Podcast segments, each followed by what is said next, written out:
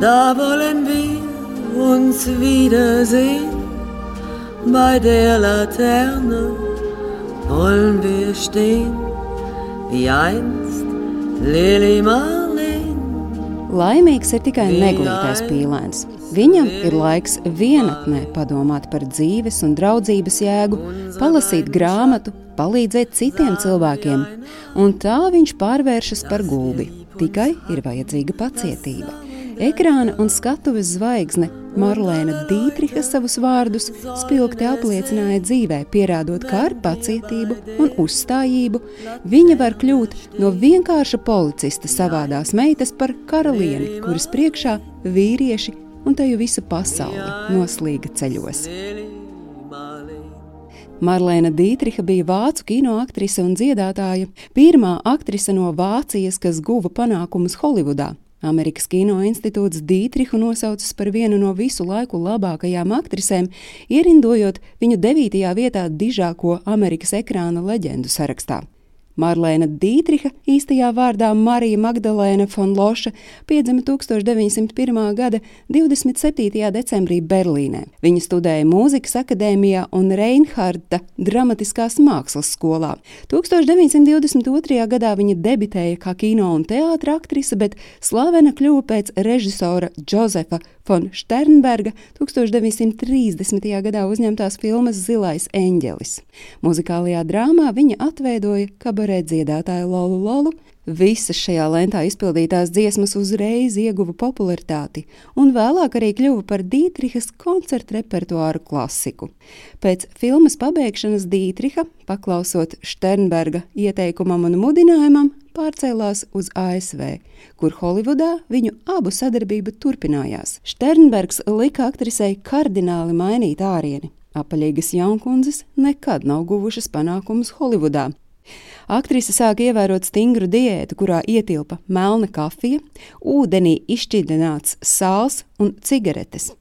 Krūtis kļuva kārdinošākas pēc to korekcijas ar līmlenti, ar plākstera un pēc tam arī plastiskās operācijas palīdzību Marlēna likvidēja krunciņas uz sejas.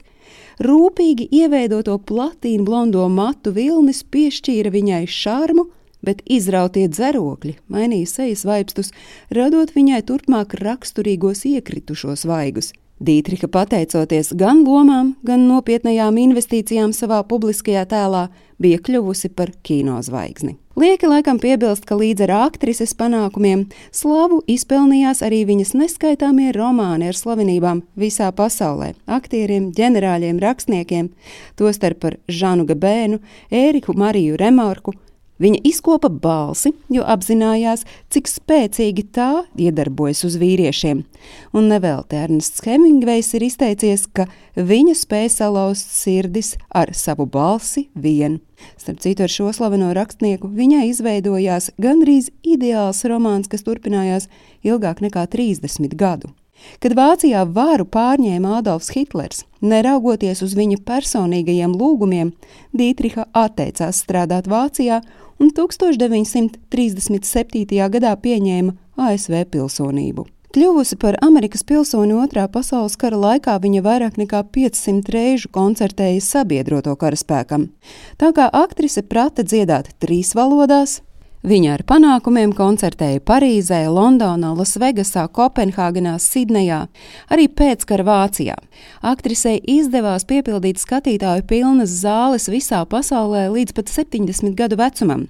Liktenīga bija koncertu turnēja Austrālijā, kad uz skatuves viņa salauza kāju. Pēdējie Marlēnas Dītrihas mūža gadi līdz aiziešanai no šīs pasaules 1992. gadā pagāja Parīzē, un starp citu par vācu kino leģendas aiziešanu viņa saulē ar skaļu paziņojumu klajā nāca viņas draudzene. Izrādās, viņa iespējams savu dzīvi beigusi izdarot pašnāvību. Tā aktrises simtgadu jubilejas priekšvakarā paziņoja viņas tuva draudzene, sakot, ka viņa droši vien mira no miega zāļu pārdozēšanas. Norma Bosketa bija vienīgā, kura ikdienas apmeklēja leģendāro aktrisi viņas Parīzes dzīvoklī pēdējos mūža gados. Un, kā viņa stāstīja, tad divas dienas pirms savas nāves kinozvaigznē bijis asins izplūdums smadzenēs. Tā rezultātā viņa vairs nevarētu turpināt dzīvot savā dzīvoklī. Viņu būtu nogādājuši aprūpes namā, bet viņa par katru cenu vēlējās no tā izvairīties. Marlēna Dītriha mira 1992. gada 6. maijā Parīzē, bet apglabāja viņu līdzās savai mātei kapsētā Berlīnē. Pirms tam viņas ķermenim sekcija netika veikta. Stāstīja Agnese Brunke.